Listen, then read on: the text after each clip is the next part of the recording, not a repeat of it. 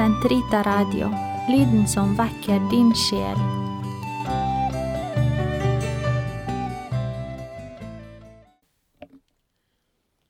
Den katolske kirkes katekisme, uke fem, søndag, paragraf 2587 til 2597.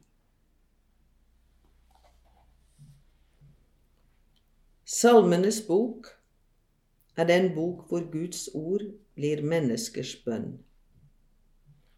I de andre bøkene i Det gamle testamentet forkynner ordene gjerninger Gud har gjort for menneskene, og bringer frem i lyset den hemmelighet de bærer i seg. I Salmenes bok uttrykker salmistens ord Guds frelsesverk ved å synge om det for ham. Det er den samme ånd som gir opphav til Guds verk og menneskets gjensvar. Kristus forener dem begge. I ham lærer salmene oss uavlatelig å be. Salmenes bønn i sine mangeartede former utformes samtidig i tempelliturgien og i menneskehjertet, enten det nå dreier seg om en hymne, en bønn i nød eller en takksigelsesbønn, et enkeltmenneskes eller hele menighetens rop om hjelp, en kongesang eller en pilegrimssang eller en visdomsmeditasjon, så avspeiler salmene Guds storverk i folkets historie og de menneskelige opplevelser salmisten har hatt. En salme kan gjenspeile en hending i fortiden, men den er så nøktern at den i sannhet kan bes av alle mennesker, uansett tid og livssituasjon. Noen trekk går igjen i salmene.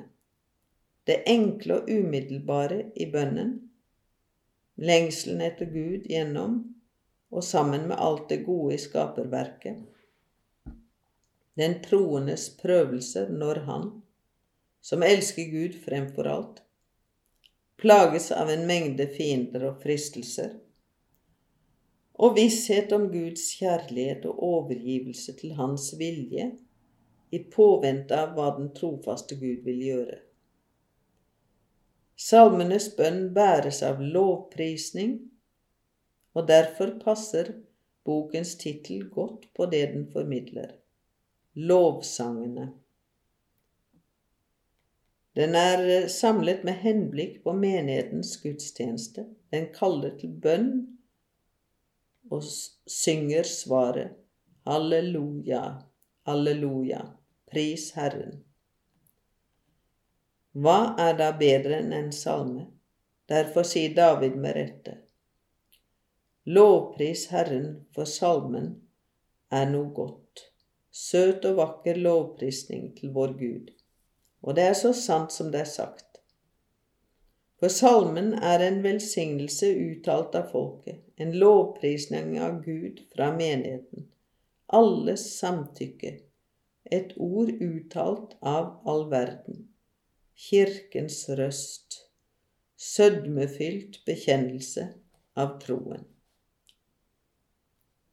Kort sagt Bønn er sjelens løftelse mot Gud, eller å be ham om høvelige goder.